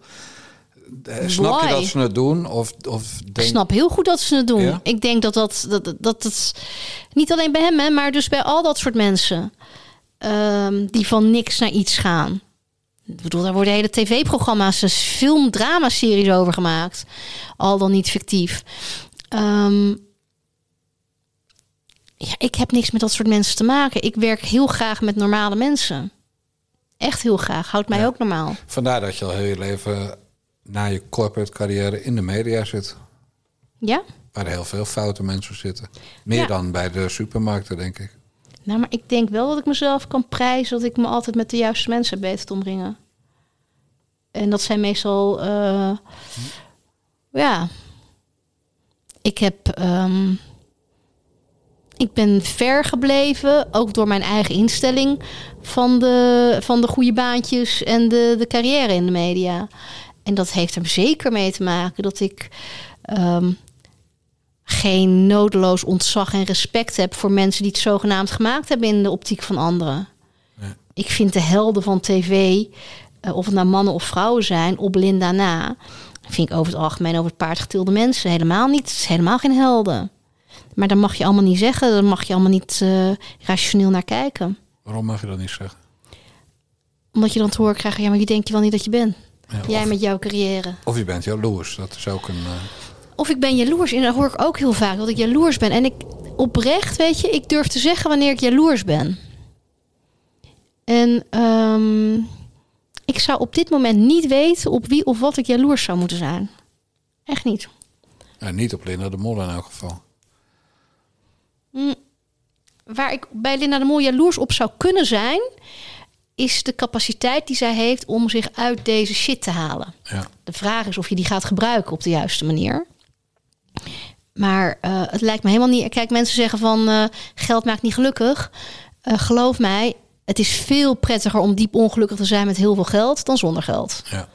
Dus zij heeft de mogelijkheid om uit deze shit te komen. En ik hoop dat ze de juiste mensen om zich heen heeft die haar daar wel bij helpen. Ja, maar goed, jij hebt het, eh, als het gaat om de juiste mensen, heb jij het eigenlijk wel altijd over de redactie van eh, Linda en wat er omheen hangt. En vind jij- Altijd, alleen in dit gesprek. Nee, nee, nee, je hebt het wel vaker over. Serieus? Jazeker, ja. Ja, en, en ik zeg niet voor niks dat één keer per jaar de sniper wel voorbij komt. Die werkt voor alle media in Nederland ongeveer, die Antoinette Oh ja. Schleuderman. En Ja. jij, maar jij verbindt er altijd aan Linda, waar ze ook voor schrijft. Ja, in, in die tijd schreef ze ook voor Linda. Ja, nee, nog steeds. Dus Oké. dat, dat klopt op zich wel. Maar eh, die Linda-redactie, als je nou je pijlen op iets in de media richt, is het meestal de Linda-redactie. Of Is de zo? vrouwen op de Linda-redactie. Grappig. Ja, is je zelf nog niet opgevallen? Nee. Nee, over libellen horen we dit soort verhalen niet. Nee, maar die, bij de Margriet. Libelle-redactie en bij de Margriet-redactie slaan we onszelf niet zo op de borst. Nee. nee, ik herken het ook wel. Ik snap het ook wel. Maar dan krijg je dat verwijt van mensen... oh, je bent gewoon jaloers dat jij geen column in de Linda hebt. Eh, ik ben daar niet jaloers op. Ik vind het vreemd.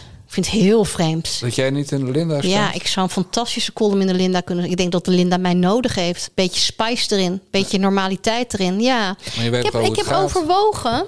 Jij zei van ik heb die 745 uitgegeven voor dat eh, blad. Ik heb overwogen om te kijken van eh, ehm, wie er allemaal in staan om te kijken en om wie ook alweer de hoofdredacteur is om gewoon te bellen. Want zo ben ik dan ook wel weer. En toen dacht ik, waarom zou ik die moeite doen? Want dan hebben zij weer een feest van, yo, we zijn gebeld door Abe Roemer. Weet je wat ze dacht? Weet je wat ze dacht? Dat ze wel onze column kon krijgen. Zo gaat het, ja. Zo gaat het Ja, dan, ja. je privacy ligt... eh, En ligt toen dacht ik, Ja. weet je wat, dat is me die 57 niet waard. Stikt er lekker in. Maar weet je waarom je niet geschikt zou zijn voor een column in de Linda? Nou, dat Je ga moet- jij me nu vertellen. Ja, dat wil ik je best vertellen. Eh, omdat je van tevoren te horen krijgt waar je over moet schrijven, wat je invalshoek is, wat je boodschap moet zijn. Mm. Eh, dus eigenlijk moet je daar gewoon als copywriter doen wat de redactievergadering voor jou heeft besloten. Dat is hoe het bij zulke bladen aan toe gaat. Kapot vergaderd, kapot eh, bedacht eh, aan bureaus door mensen die zelf niet kunnen schrijven, maar die wel heel goed weten wat de doelgroep wil hebben. Dus ja, daar ben jij totaal ongeschikt voor om in dat stramien te werken. Want jij zou gewoon je eigen mening geven. Nou, dan zou je bijvoorbeeld. Ja, meningen een- mogen niet. Nee, zou je met een hoofddoekje maar eens beledigen. Oh ja, sorry, je zou maar een hoofddoekje kosten. beledigen, ja. Ja, dat kan geld kosten. Dat, dat kan eh, Linda schaden. Het merk, het merk oh ja, Linda oh ja, als oh ja. mens. Oh ja, sorry, ja. dus sorry. nee, totaal ongeschikt voor de Linda ben je. Ja, ja. Oh ja. Oké. Nee, daarom was je, was je plek bij eh, de site van Theo goed, die helaas niet meer bestaat. Althans, voor zover ik weet. En was je plek bij, Lin, bij Metro goed, omdat je daar vrij was in wat je schreef. Mhm.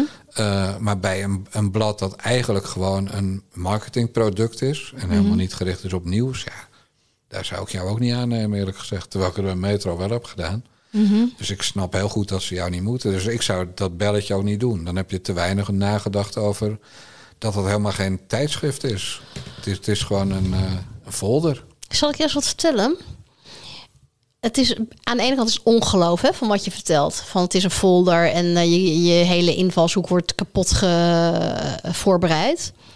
Aan de andere kant, hey, die column is in drie minuten geschreven. Oh, dat is wat je horen? Drie minuten is hij geschreven. Ja, maar da- dan komt wie en welke foto en welke naam staat erbij. Is dat die van Saskia Noord, om maar een voorbeeld te noemen... of is dat die van Ebre Oemar? Oh ja, dat Nou, zal dan kiezen ze Ja. voor Saskia Noord. Ja. Niet omdat ze racistisch zijn en jij te donker. Maar, Nou, omdat Saskia Noord heel graag bij de grachtengordel hoort... en jij Oh er ja. tegen afzet. Dus ook dat is hartstikke logisch. oh ja, dat is ook heel belangrijk. Ja, nou goed. Kijk, ik ben dus niet goed in dat soort overwegingen en in dat soort strategisch gekonkel. En ehm, eh, nee, ik ga echt altijd heel erg van mezelf uit. Van wat ik kan en wat ik eh, toevoeg. Ehm, en dat ik echt beter ben dan de alle Saskia Noords van heel Nederland bij elkaar. Alleen ehm, dat het dus niet gaat om beter of om goed. Maar het gaat om Passend.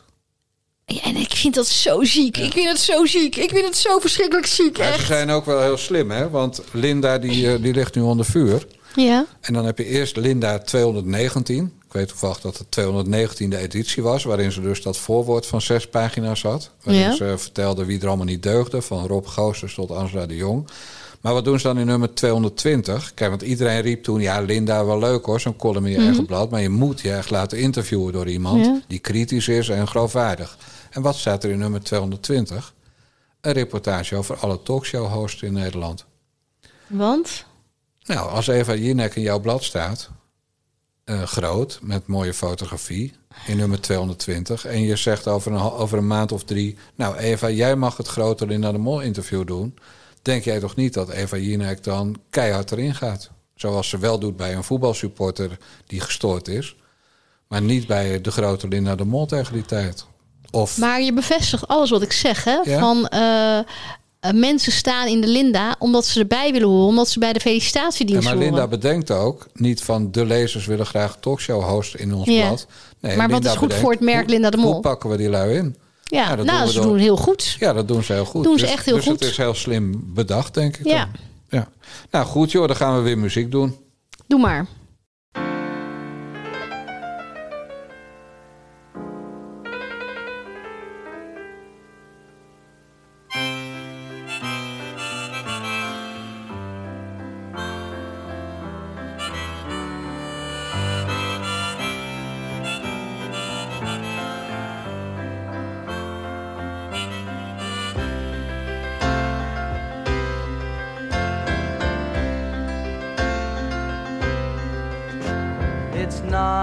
O'clock on a Saturday.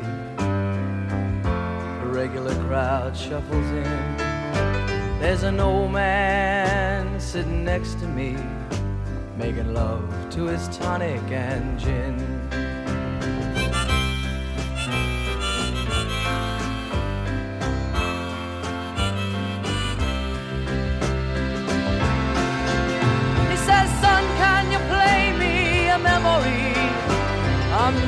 Really sure how it goes,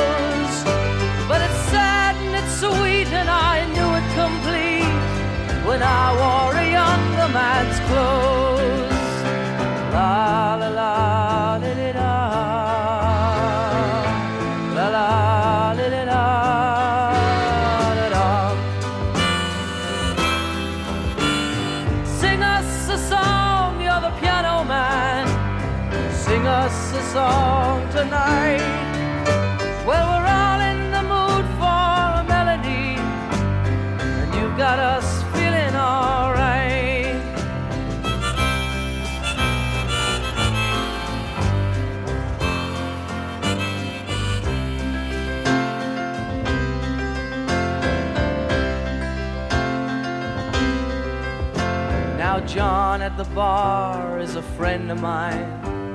He gets me my drinks for free. And he's quick with a joke or to light up your smoke. But there's some place that he'd rather be. He says, Bill, I believe this is killing me. As a smile ran away from his face. Well, I'm sure that I could be a movie star if I could get out of this place. Oh, la la la, di di da. La la.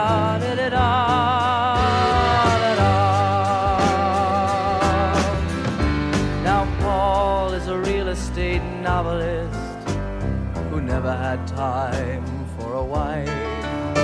And he's talking with Davy, who's still in the Navy and probably will be for life.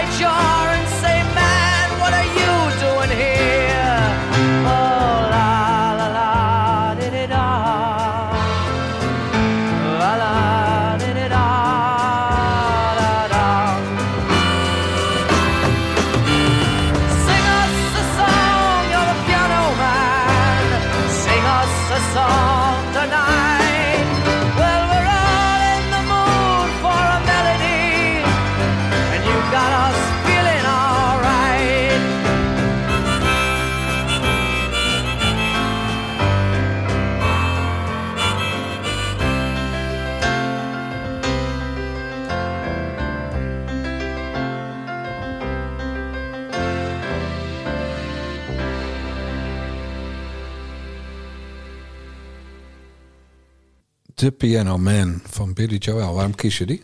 Nou, het zijn allemaal portretjes van mensen. In hele kleine zinnetjes. En je kunt in elk portretje wel iets van jezelf terugvinden, denk ik dan. Dat, het vind ik echt, ik vind het zo mooi. Ik vind het gewoon echt heel erg mooi. Ja, mooi. Ja. En ben je ook een beetje een piano man? Nou, nee. Ik denk dat ik al... eh, ik heb wel de ene helft... Nee, ik heb nu langer geen pianoles gehad dan wel. Maar ehm,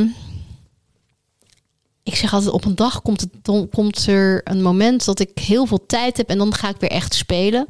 Maar dit, dat moment komt nooit. Wat speelde je vroeger? Oh, ik heb klassiek pianoles gehad. Oh, wat erg. Ik vond het heel leuk. Nou ja, Nou ja, leuk, leuk. Achteraf gezien vond ik het leuk. Op het moment zelf natuurlijk altijd minder. Maar eh, ja, dat brengt ons op Thierry Baudet. Jij bent echt van de Ja. bruggetjes, hè? dit is inderdaad, Ik ja. kijk op het draaiboek en er staat Thierry Baudet. Ja, Ook een piano man. Thierry is zeker een pianoman, Ja. maar Thierry kan het tenminste. Ja, ik weet dat eh, iedereen een mening heeft over Thierry. En ik vind iedereen's mening prima over Thierry. Maar de enige Thierry die ik mij herinner en waar ik aan vasthoud... is de Thierry die mij eh, elke avond belde in Turkije toen ik daar vast zat. Mij elke avond moed insprak. En elke avond zei van als je hulp nodig hebt, laat me weten. Wij zijn met meer.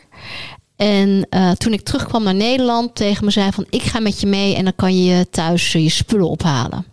En toen ging ik mijn spullen ophalen en toen ging hij beneden piano spelen. En terwijl hij piano speelde, was ik mijn koffer aan het inpakken in dat huis. En dat is mijn Cherry.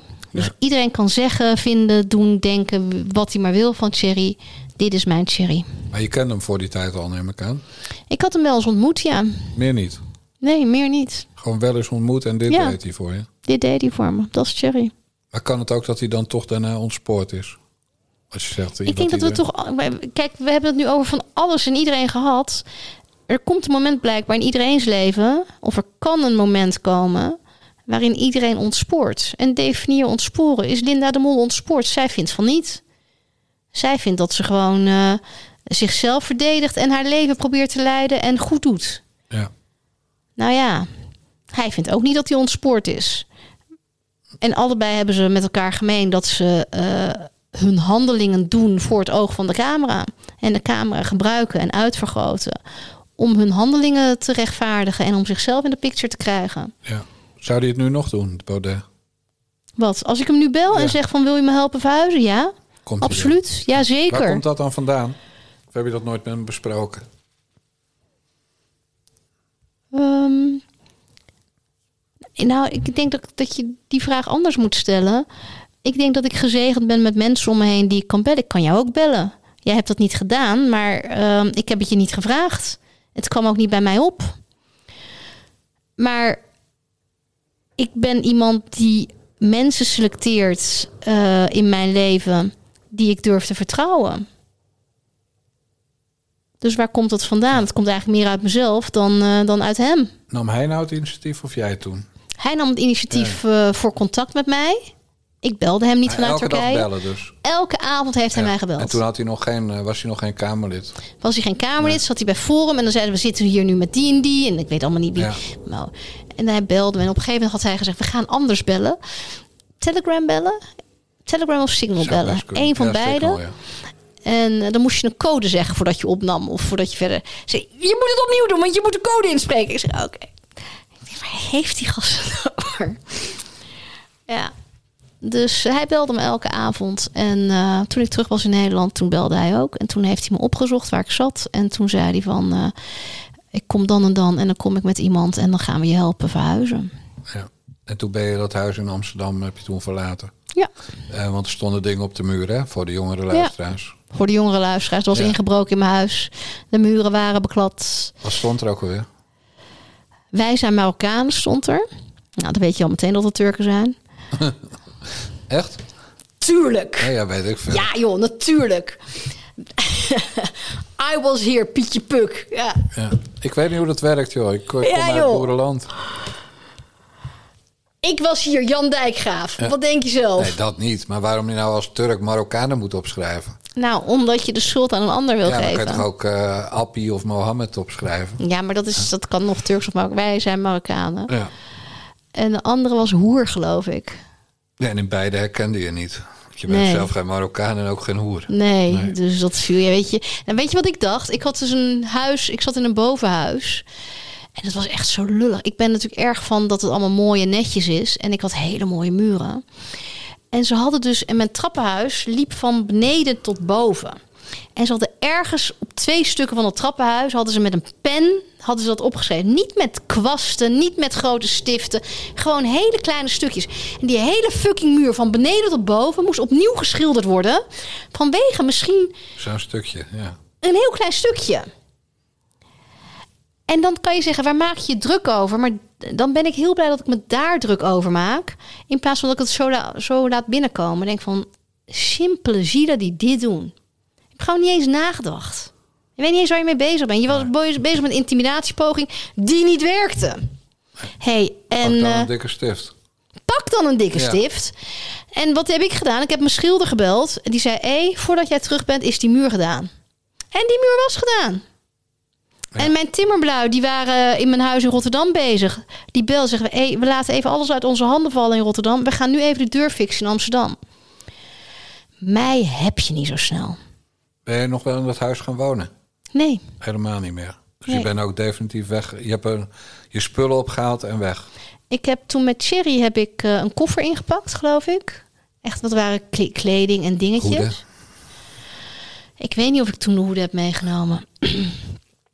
en ehm, toen ben ik nog één dag met een busje gegaan. En toen kon ik niks. Toen was Marcel Hartenvelter en eh Giddis, mijn bestie. En ik heb in een hoekje zitten huilen. En zij hebben dat busje volgeladen. En toen kwam dat busje naar Rotterdam. Maar er stonden nog spullen. En toen hebben we die spullen uitgeladen en stond nog steeds te huilen. En toen is mijn vader teruggegaan met een leeg busje met twee verhuizers eh, die ook mee waren. En dan hebben ze de rest van het busje volgeladen en ik ben nooit meer naar huis geweest. En verkocht. Ik ben nog één keer voor de verkoop geweest, ja.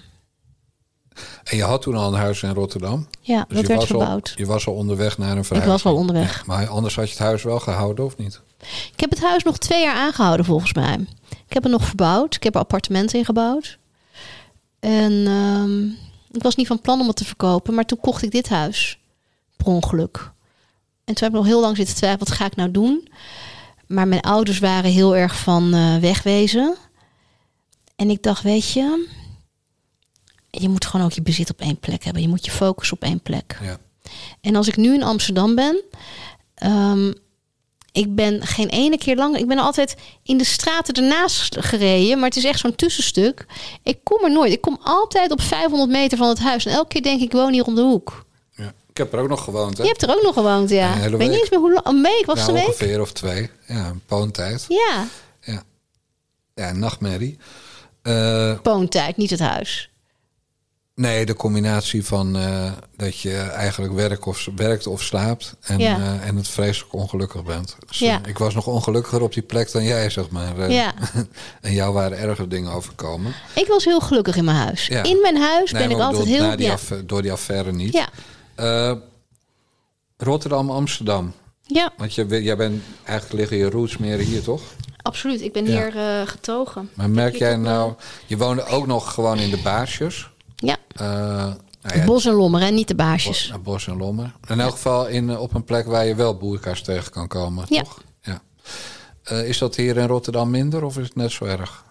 Het is veel minder, maar Rotterdam is veel multicultureler. Dus je ziet hier... Kijk, Amsterdam is echt een Marokkanenstad. Maar in Rotterdam zie je de hele wereld voorbij komen. Waardoor ehm, de manier van leven ook veel toleranter is. Mensen moeten met elkaar, omdat het, er is geen overheersende groep. Nee. Het woont hier heel prettig, want in Rotterdam, in de stad zelf, wonen en werken Rotterdammers. En toen ik naar Amsterdam verhuisde in 97 kocht ik. 96, ja, zoiets. 97 kocht ik. Toen had je al de exodus van Amsterdammers naar Almere, naar Purmerend, naar weet ik veel wat. Alleen Glennis Grace zit er nog, bij wijze van spreken.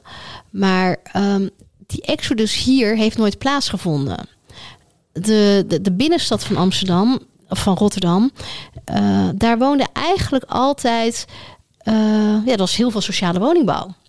Alles hier in de buurt, overal, alle gaten van de stad is opgevuld Ja. met sociale woningbouw. Dus de mix in de stad is ook eh, heel anders.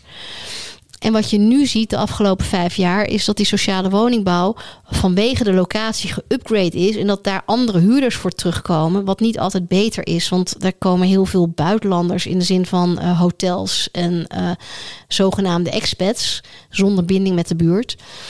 Ehm, maar ja, in Rotterdam wonen Rotterdammers. En het is heel gaaf. Vanochtend liep ik naar de Albert Heijn. En er komt iemand tegemoet. En die zegt goedemorgen. En ik dacht, ik heb jou nog nooit gezien hier. Dus ik zei ook goedemorgen. Maar eigenlijk zeg je vooral goedemorgen... omdat je die persoon hier nog nooit gezien hebt. Wie ben je eigenlijk?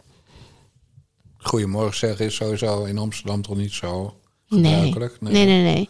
Nee, maar hier zeg je wat. Ja. Als je elkaar passeert op de stoep. Kan je nagaan als je in Eester in Friesland woont. Ja. ja. Dan moet je meteen een praatje maken. Ja, ja, nou ja. Ik weet dat eh, toen mijn neefje voor het eerst kwam... dat hij echt overstuurd thuis kwam en zeggen... van, kennen we een eh, meneer die er zus en zo uitziet? Ik zeg, nee. Maar die zei goedemorgen tegen me. Ja, dat kan. Het gebeurt hier. Ja. Hey, eh, je had toen ook, toen je vast kwam te zitten in Turkije, een huis in Turkije. Appartement, denk ik. Aan zee ergens. Ja. Als ik het goed... Kuskadisi, hoe heet het? Ja, zoiets. Koesjedassen. Ja. Ja. Eh, dat heb je natuurlijk op moeten geven, omdat je daar nooit Ik heb meer... naar- alles op moeten Maar je geven. kan nooit meer terug, hè? Ja. Zolang Erdogan er zit. Ik heb eh, in één week tijd is mijn leven gewoon eh, van me Ja. afgepakt. Zou je echt nu ook nog niet terug kunnen? Nee, ik kan ook niet. Ik ben, ik ben een gezocht crimineel daar. Ik, word, eh, ik heb nog opgepakt. rechtszaken lopen. Ik, er is mij ook medegedeeld dat ik opgepakt word zodra ik over de grens kom. En je hebt nog rechtszaken lopen? Ja, Hoe, hoe, waarom is er nog geen uitspraak? Omdat ze steeds vertraagd worden. Ja, maar niet omdat je er zelf bij moet zijn. Ik maar- moet er eigenlijk bij zijn, maar dat hoeft eigenlijk helemaal niet. Eh, maar de advocaat vertraagt de boel. Hij zegt dat is een, schijnt een Turkse tactiek te zijn. En op een dag wordt het vergeten en dan is alles, eh, zeggen ze. Maar dan nog ga je niet terug. Nee joh, echt niet. En Nee. je ouders komen er nog wel. Ja, En je zussen? ook. Hebben die dan, worden die niet eh, als dwangmiddel opgepakt? Nee, Lastig gevallen? breng ze nou niet op ideeën? Nou ja, ze luisteren echt niet. Dat weet je niet, Nee, maar, maar die hebben geen angst. Nee, maar hebben ook niet zoveel behoefte, hoor, moet ik heel eerlijk zeggen. Hoe bedoel je? Om erheen te gaan. Oh, dat, ja, dat is wel minder geworden. Omdat Ja. jij niet meer mag. Ja, nou ja, weet je, eh, wij, hebben, wij kennen dat land alleen maar van eh, vakanties, hè? En je kunt overal heen op vakantie. Ja. Zo'n probleem is het niet. Maar er zijn vast wel momenten dat je er anders over hebt gedacht. Nee, het enige wat ik echt mis is mijn lifestyle. Ik mis ontzettend mijn lifestyle van eh, de stad en eh, het strand. Dat je dat kon afwisselen. Ja. ja. Want je zat eh, de winter daar, zeg maar. De zomer. Ja. ja, ik zat echt afwisselend hier en daar. Eigenlijk als mijn hoofd hier vol kwam te zitten. Als ik te veel werk had hier, pakte ik mijn boeltje op, ging ik daarheen. En dan was de ruis weg. En dan kon ik daar even snel en werken en relaxen. ja. En hoe doe je dat nu dan? Niet. Af en toe draai ik gewoon door. Ja, dat, ik, het is echt, het is, ik vind dit heel moeilijk. Ik vind het heel moeilijk om eh, op één plek te zijn. En, eh, maar dit zijn natuurlijk allemaal first world problems. Ehm, ja, ik vind het moeilijk. Het feit dat ik geen afstand kan nemen, vind ik heel moeilijk. Ja. Maar je hebt wel meerdere huizen. Ja, en? In je eigen huis kan je af en toe eh, wisselen van plek. Ja, maar weet je, je uitzicht verandert niet. Nee. hey, wat, eh, want als je jou op Twitter een beetje volgde, was je de laatste jaren meer bezig met eh, huizen dan met media. Klopt dat? Mm, ik heb niet minder media gedaan. Ik heb gewoon altijd mijn werk blij- ben ik blijven doen. Maar door omstandigheden ben ik inderdaad veel meer met vastgoed bezig gegaan. En het is niet eens heel erg door omstandigheden. Ik heb mijn huis in Amsterdam verkocht, maar mijn huis in Amsterdam, dat was een heel groot pand. En dat had ik in de loop der tijd had ik dat eh, verbouwd tot eh, appartementen. En zeker in de laatste jaren. En ik had natuurlijk een huis in Rotterdam gekocht waar ik woonde. En toen een ander huis. En toen nog een huis. En eh, gedoe. Ehm, dus ja, ik zeg altijd, ik zit al sinds 97 in het vastgoed. Alleen ehm, nu misschien iets bewuster. Maar komt er ook een moment dat je stopt met dat andere? Wat is het andere? Media. Nou ja, ik zit niet in de media, Nou ja, ik schrijf het- alleen maar. Ja, dat is toch ook in de media zitten? Nee, ik eh, lever alleen maar aan. Voor de rest doe ik niks. Je organiseert de Libelle Zomerweek een beetje mee. Nee, ook niet. Ik heb twee, eh, twee dagen op de zomerweek gestaan. Dat was alles. Dus ik organiseer al sinds corona niet meer eigenlijk. Corona zou het, zou het laatste jaar zijn. En toen kwam corona, was er geen Libelle Zomerweek. Dus je Dus een column voor Poont. Eens ja, twee. week. Twee per week. Twee per week. En eentje voor... eh, Betaalt die publieke omroep een beetje goed Ja. eigenlijk? Ja? ja, het betaalt de hypotheek meer. Dus ik vind het prima. ja. Krijg je daar veel reacties op? Ja. Ja. Want dat mag joh bij de publieke omroep. Ja, ik zit bij Poont, hè? Ja, maar je zit wel bij de publieke omroep. Ja, bij de staatsomroep gewoon. Ongelooflijk. Krijg een beetje van mijn geld terug. Ja. Maar is dat, eh, eh, leeft dat? Vergeleken met de dingen die je eerder hebt gedaan? Mm, voor mij, ehm, sinds ik mijn tweede column heb, leeft het voor mij veel meer. Vind ik het echt veel leuker. Maar mijn column op de Poont Facebook-site, want ik zie alleen maar wat het op Facebook doet, doet het belachelijk goed. Gewoon echt belachelijk goed. Eh, en daarin ben ik gewoon niet anders dan dat ik daarvoor was. Ja, Wat bedoel je daarmee? gewoon belachelijk goed. Als je... Jij leest natuurlijk eh, weinig columns van anderen, denk ik Ja. zomaar. Ja. Als, maar zijn er die je wel goed vindt? Columnisten? Eh, zo, dat is een moeilijke vraag. Sylvia Witteman. Oh, die lees ik allemaal niet. Wie? Stella Bergsma. Nee, daar heb ik nog nooit wat van gelezen. Ik weet wel wie ze is, maar ik weet niet eens wat ze schrijft. neuken en dat dan in de verschillende volgorde. Dat is op. eh. Nee, zij is van de blote borsten. Ik vind het fascinerend. Ik denk, ik snap die hele obsessie van haar met blote borsten niet. Ik snap het gewoon niet. Ik snap het gewoon echt niet. En, nou ja, goed. Iedereen heeft zijn ding blijkbaar. Dus, Ja. Wie lees ik Maar wie nou? je, wie- waarvan denk je, nou, als ik nou zo kon schrijven? Oh, van niemand. Niemand? Oh, van Je bent niemand. gewoon de beste. Of je, ziet, je ziet Ehm, niks. Nee, nee. ehm, ik heb nooit gedacht van als ik zo kon schrijven. De enige waarvan ik echt vind dat hij goed kan schrijven, maar van wie ik de laatste jaren echt niks meer heb gelezen, was Arno Grunberg. Dat vond ik echt fantastisch. Ehm, en er was nog iets. Wat dacht, ik heb laatst iets gelezen waarvan ik dacht: dit is. Oh, het al. Wat dan? Eus.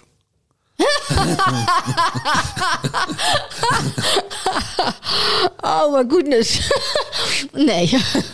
Ehm, nee. Eus is trouwens het voorbeeld dat, er- dat een, achter elke man een, eh, een sterke vrouw moet staan. Hè?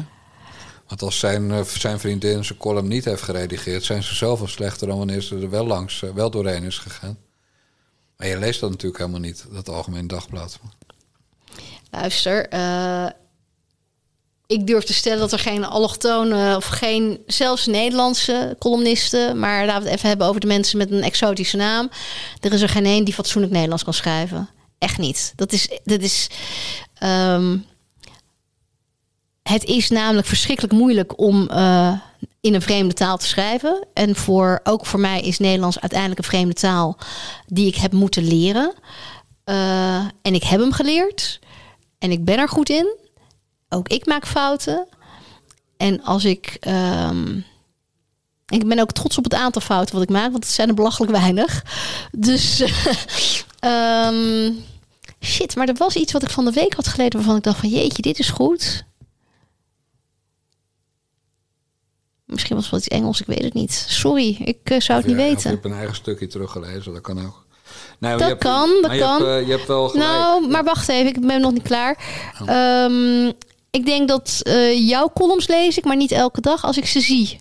En als de naam me aanstaat, dan, dan maar dat zal zullen de meeste mensen doen. ehm, dan lees ik ze en ik retweet ze ook altijd als ik ze zie. Dus ehm, en wat ik van jou fijn vind, is dat jij schrijft zonder.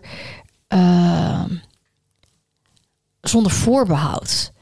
En dat mis ik gewoon bij, bij heel veel mensen. Eh, het iemand willen pleasen.